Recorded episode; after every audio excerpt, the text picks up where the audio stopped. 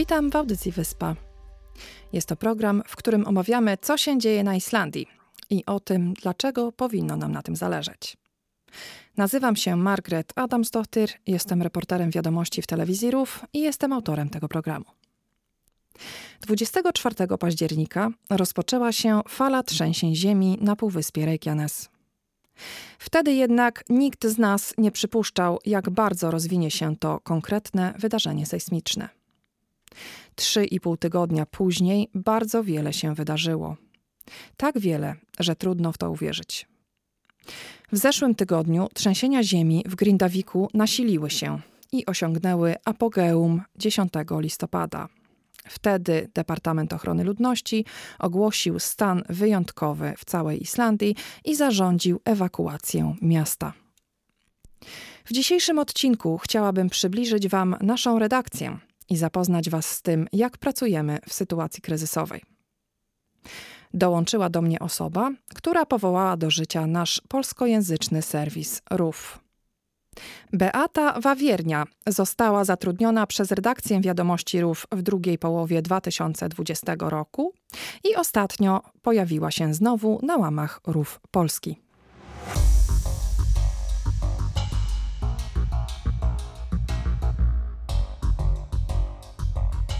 Witamy serdecznie. Ja nazywam się Margaret Adamsotyr.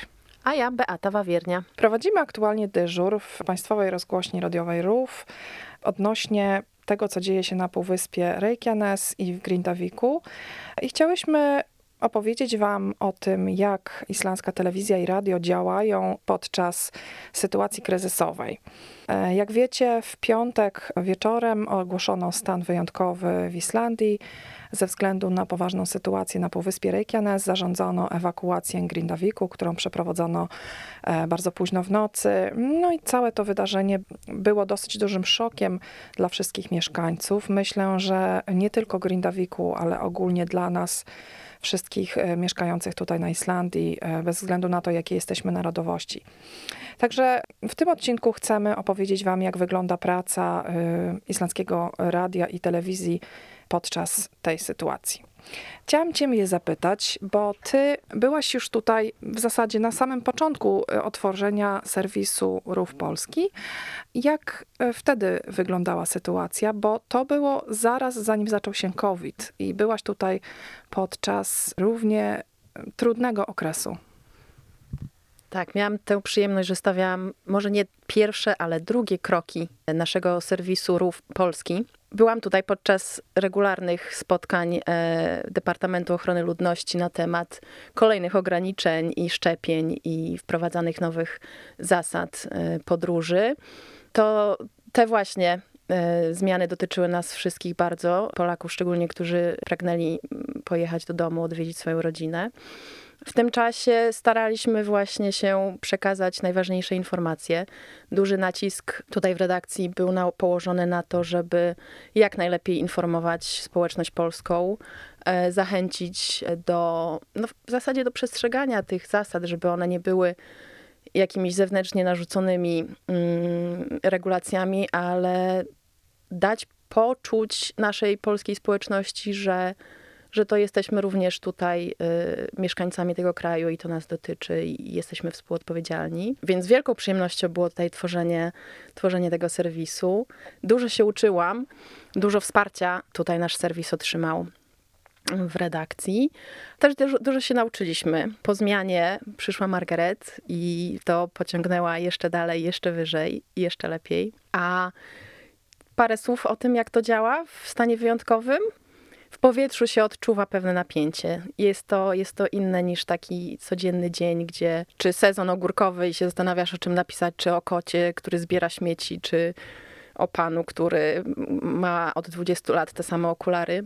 W tym momencie wiadomo o czym pisać, a może być nawet trudno wybrać to, co jest najważniejsze. I to takie ciśnienie, żeby te informacje jak najszybciej dotarły do odbiorców.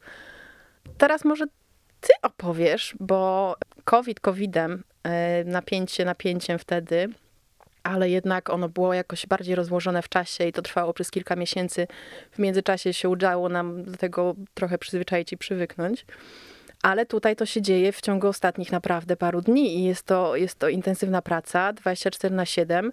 Jak ty to odczuwasz, odebrałaś, byłaś w ośrodku, byłaś w centrum, rozmawiałaś z tymi, którzy bezpośrednio mają związek z Grędawikiem. Tak, no ja w ogóle byłam na urlopie w Polsce, kiedy to wszystko się zaczęło. Zadzwoniono do mnie po południu, czy mogę zakończyć swój urlop, bo y, wchodzimy w, w stan y, niezagrożenia, tak jak był wprowadzony najpierw, tylko stan wyjątkowy i wtedy mamy zupełnie inną funkcję y, społeczną na Islandii, czyli y, mamy obowiązek y, jak najszybciej informować właśnie mieszkańców o wszystkim, co się dzieje, bo RUF należy do komitetu tego Departamentu Ochrony Ludności, czyli jest narodową rozgłośnią radiową i telewizyjną, która ma obowiązek jak najszybciej y, informować mieszkańców. Także do mnie z redakcji zadzwoniono, poproszono mnie, żebym otworzyła swój komputer i, i zaczęła pisać, otworzyła tego bloga na żywo i żeby no, jak najszybciej y, podawać informacje. Kilka godzin później ogłoszono tą ewakuację i, i no, powiem wam, że to było szokujące ogólnie dla, dla mnie samej i też dla y, mojej rodziny w Polsce, która zgromadziła się wokół mnie i, i robili mi herbatki, podawali jedzenie, żebym mogła sobie jakoś w miarę w spokoju pracować i potem w, w całym tym pośpiechu i, i, i, strachu wracałam samolotem mm, do domu w sobotę w nocy, e, zastanawiając się, czy samolot wyląduje w Reykjaviku, czy w Akureyri. Jest to bardzo stresujące. W każdym razie no, staramy się, żeby jak najszybciej to wszystko przekazywać. Tak jak mówiłaś, jest to trudne czasami wybrać to, co jest najważniejsze. Bardzo mi było ciężko y, rozmawiać z naszymi rodakami w, w ośrodku pomocy masowej w Kołryn, w Kopawogór. Te osoby były bardzo poruszone, płakały.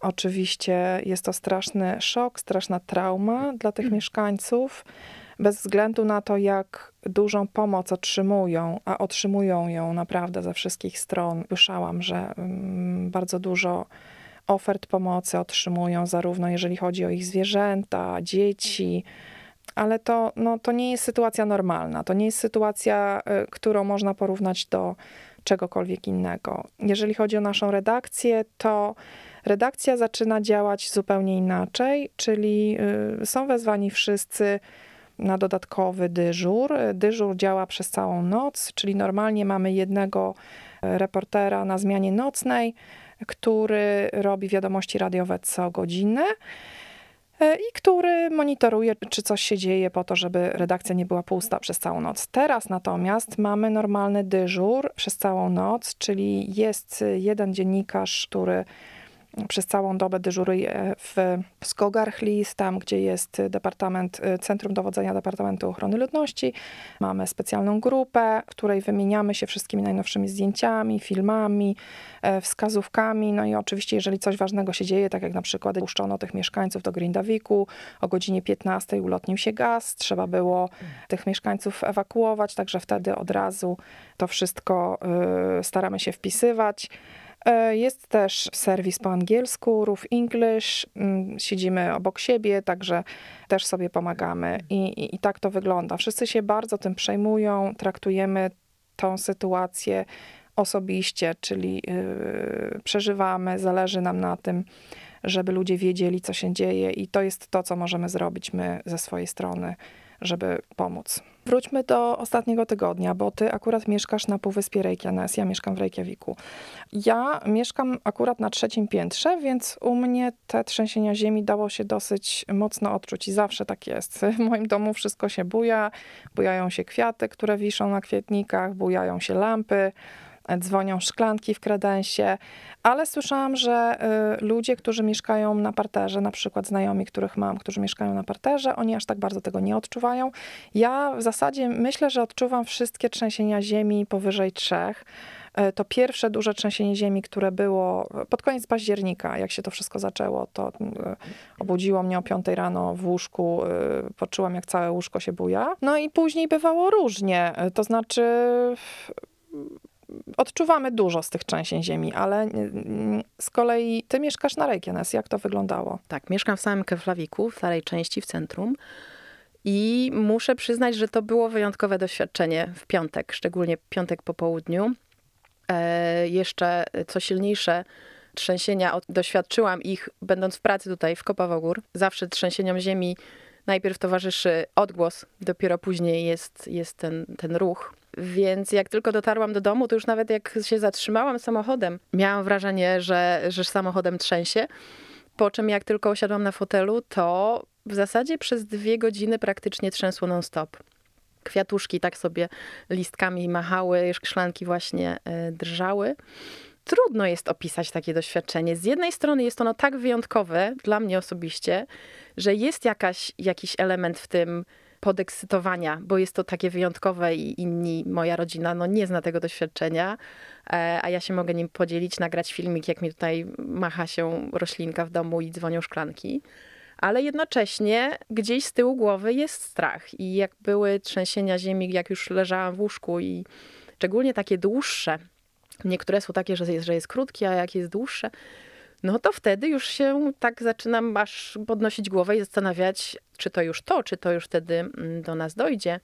A że mieszkam w Keflawiku i nas erupcja dotknie prawdopodobnie bezpośrednio, w związku z tym, że nasza elektrociepłownia to jest Swatrzengi i ona dostarcza nam ciepłą wodę do domów, to w przypadku awarii nie będziemy mieć ciepłej wody. U nas też również w Keflawiku było specjalne spotkanie informacyjne dla mieszkańców w ostatnią środę i tam e, podano parę punktów o tym, jak się przygotować, więc e, u mnie po kątach w kuchni w łazience stoją beczki wypełnione wodą na, na wypadek, jakby e, rury przestały nam dostarczać świeżą wodę. Mamy grzejniki elektryczne kupione. Mm, jednakowoż to też może nie wytrzymać, bo przeciążenie sieci elektrycznej prawdopodobnie nastąpi. W przypadku, jak każdy zechce się ogrzać i włączyć, włączyć piecyk sobie, więc, więc to jest, to jest dużo, dużo bardziej odczuwalne u nas na pewno niż w Reykjaviku. Reykjavik, prawdopodobieństwo tego, że jakieś skutki dotkną Reykjavik jest bardzo, bardzo niewielkie, wręcz prawdopodobnie niemożliwe. E, natomiast w związku z tym, że dużo Polaków mieszka przecież w Reykjanesbayer, to myślę, że, że warto podkreślić, że no, że jest pewien strach, ale jednocześnie jest pewien spokój, że to jest na tyle daleko, że, że, że będzie wszystko ok.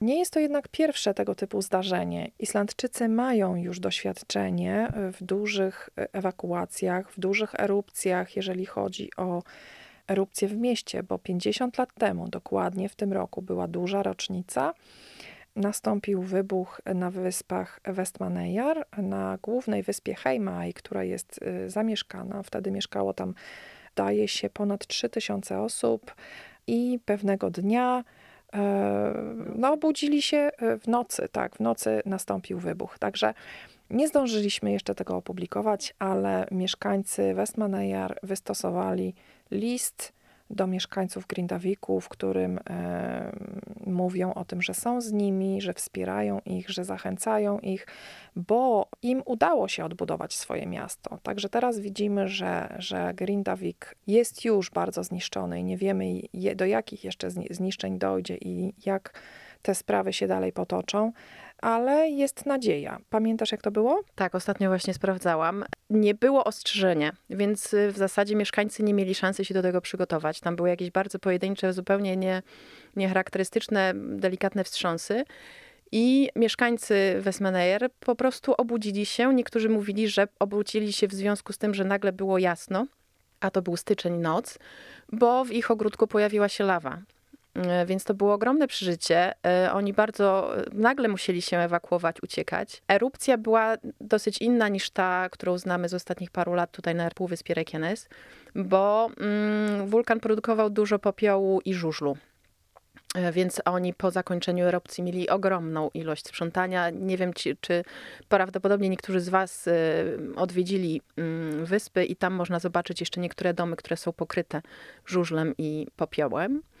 Ale warto powiedzieć, że właśnie to się zaczęło w styczniu. Ostatnie metry sześcienne lawy wypłynęły w czerwcu, a już w sierpniu ludzie wracali do swoich domów. Do domów mogli wrócić ci, którzy byli e, na to gotowi i chcieli, a dla tych, którzy nie wyobrażali sobie powrotów tak no, nietypowe, może niebezpieczne miejsce, islandzkie państwo przygotowało, wybudowało nowe domy. To nie zajęło dużo czasu, to, to była kwestia paru miesięcy chyba. I wokół wyspy, w różnych miejscach, na przykład w Selfos, na przykład na obrzeżach Keflawiku, również e, na Dolnym Breitholcie wzdłuż Artnarbaki można zobaczyć takie dosyć charakterystyczne, długie drewniane domy z dużą liczbą okien jednych przy drugich. To są właśnie domki wybudowane dla tych, którzy chcieli się ewakuować z Westmanejer, nie wyobrażali sobie powrotu tam. Więc y, Islandia jako kraj jest ma, jakieś, ma doświadczenie. Premier i rząd przygotował pewne środki, wyznaczył środki na odbudowę, wyznaczył środki na zabezpieczenie tej elektrowni, o której wspominałam, która zasila Półwysep. Więc yy, prace już trwają nad zapewnieniem mieszkańcom Gryndawiku nowych miejsc do życia. I jak patrzymy na doświadczenia osób z Westmanayer, przywiązanie do ziemi u wielu jest tak silne, że oni wracają mimo, mimo tego, że no że co, że to, że śpią na wulkanie. Więc y, mamy nadzieję, że i tutaj wszystko się dobrze, dobrze skończy i z tego wyjdzie, wyjdzie coś dobrego. Tak, y, no muszę powiedzieć, że Islandczycy też nie są y, narodem, który się rozczula nad sobą, tylko oni podchodzą rzeczowo do spraw i y, wszystkie te wydarzenia, które widzieliśmy, najbardziej drastyczne, zdarzyły się w weekend, bo ewakuację zarządzono w piątek w nocy, potem była sobota, niedziela. A od wczoraj zaczęły się już zbierać wszystkie instytucje, rady, no i dzisiaj już Rada Miasta Grindawiku dostała pomieszczenia, które może używać w ratuszu w Reykjaviku i na pierwszym posiedzeniu już zadecydowano, że e, należy e, ustanowić jakiś plan e, długoterminowy. Rada Miasta Grindawiku będzie teraz zastanawiała się, jak rozwiązać finansowanie zakwaterowania wszystkich mieszkańców. Wiemy już, że mieszkańcom należy się zasiłek dla bezrobotnych.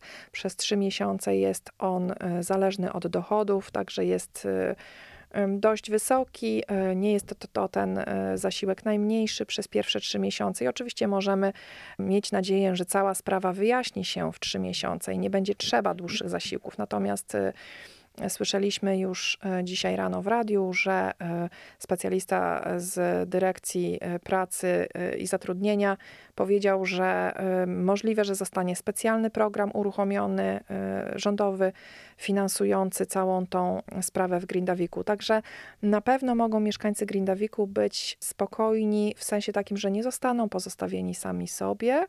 Kraj jest przeorganizowywany w tym momencie, jeżeli chodzi o finanse, środki. Zapewniono już dostęp dzieci do szkół, czyli dzieci, które mm, pochodzą z Grindawiku, mogą zacząć chodzić do szkoły tam, gdzie się aktualnie znajdują, czyli jeżeli rodzina, jeżeli rodzina tymczasowo mieszka w Selfos, to dzieci mogą pójść do Selfos do szkoły, zostaną zapisane tymczasowo do klasy, do której przynależą. No niestety w takiej tymczasowej, niepewnej sytuacji mieszkańcy nie są pozostawieni samym sobie, tylko to wszystko zostanie zorganizowane.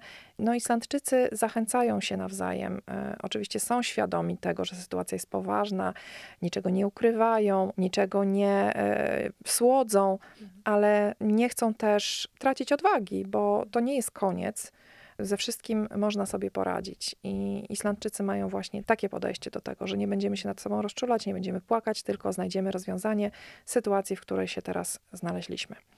Pytanie bardziej osobiste. Też e, zastanawiałam się nad tym.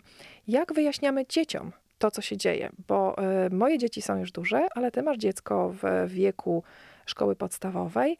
Czy twój syn zadawał ci pytania na temat tego, co się dzieje i jak udało ci się mu wyjaśnić? Tak, mój, mój syn ma 11 lat, jest w szóstej klasie. Na pewno mogę powiedzieć, że szkoła zareagowała natychmiast, bo już w niedzielę mm, dostałam maila o tym, że nauczyciele i dyrekcja przygotowują się do tego, że to jest sytuacja wyjątkowa, że mogą się pojawić dzieci z innych szkół, że one zostaną przyjęte i zaopiekowane, a w związku z tym, że to jest wyjątkowa sytuacja, oni również wyjaśnią naszym dzieciom, mm, tym wszystkim, które już chodzą tutaj y, do szkoły, to, co się stało. Wyjaśnił, że to jest y, sytuacja wyjątkowa, że, że tamte dzieci nie mogą mieszkać tam, gdzie do tej pory mieszkały, ale nam nie grozi niebezpieczeństwo. W związku z tym my przyjmujemy te dzieci. Więc to było mm, zorganizowane. Mm, szkoła stanęła na wysokości zadania. Natomiast Mój akurat syn dosyć lekko do tego podszedł. Któregoś dnia wszedł do, do, do domu akurat jak y, na środku pokoju stały dwa nowe grzejniki elektryczne, a w kącie w kuchni duże 20-litrowe beczki z, z wodą, się zapytawszy, co to jest, no to spoko. No więc y, jest to zabezpieczenie, po prostu się przygotowujemy i on akurat do tego podszedł ze zrozumieniem. Dzięki temu, że szkoła na pewno o tym wspomniała, na pewno to przygotowała, bo to nie jest coś, coś dla nich specjalnie nowego i oni wiedzą, że, że dziećmi też tutaj się trzeba zaopiekować. Możliwe nawet, że mogłabym tutaj może wspomnieć, że, że dzieci są częścią społeczeństwa i również osoby niepełnosprawne są częścią społeczeństwa. E, dlatego RUF, e, jako rozgłośnia radiowo-telewizyjna, przygotowuje nawet coś takiego, co się nazywa Wiadomości dla dzieci. I codziennie przed głównym wydaniem wiadomości są wiadomości dla dzieci, które są specjalnie dla nich szykowane, wybrane najważniejsze tematy i są te tematy przekazywane w sposób, sposób dostępny. Natomiast na stronie internetowej wiadomości jest e, dział tak zwanego uproszczonego islandzkiego, który jest właśnie też kierowany do osób niepełnosprawnych intelektualnie również. Tam sprawy są wyjaśnione dosyć prostym językiem. Islandzkie społeczeństwo pamięta o wszystkich. Strona Oiskiliv Maul, czyli uproszczony islandzki, została e, zauważona także przez osoby uczące się języka islandzkiego jako wiadomości, które są dostępne w łatwiejszy sposób dla e, osób, które jeszcze nie mówią w pełni tym językiem. Przypominam, że raz w tygodniu Rów Polski czytamy jeden artykuł wiadomości z uproszczonego islandzkiego z wyjaśnieniami i mam nadzieję, że on też jest pomocny w jakiś sposób uczeniu się języka islandzkiego. Chciałybyśmy podziękować Państwu za uwagę, za wysłuchanie dzisiejszego odcinka Wyspy. Będziemy się starać dalej relacjonować jak najlepiej wszystko, co się dzieje w Grindaviku, ale także powoli też może już zwracać się też do innych e, e, części Islandii. Dziękuję Ci bardzo za rozmowę. Pozdrawiamy wszystkich. Dziękuję ślicznie. Cudownie było do Was wrócić.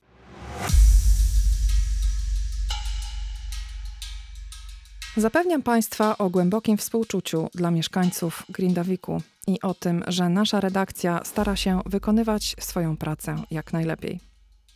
Na koniec dzisiejszego odcinka chciałabym zagrać Państwu piosenkę, która jest zdecydowanym klasykiem i jest jedną z tych piosenek, która wprowadza w dobry nastrój i przypomina nam piękny polski letni dzień.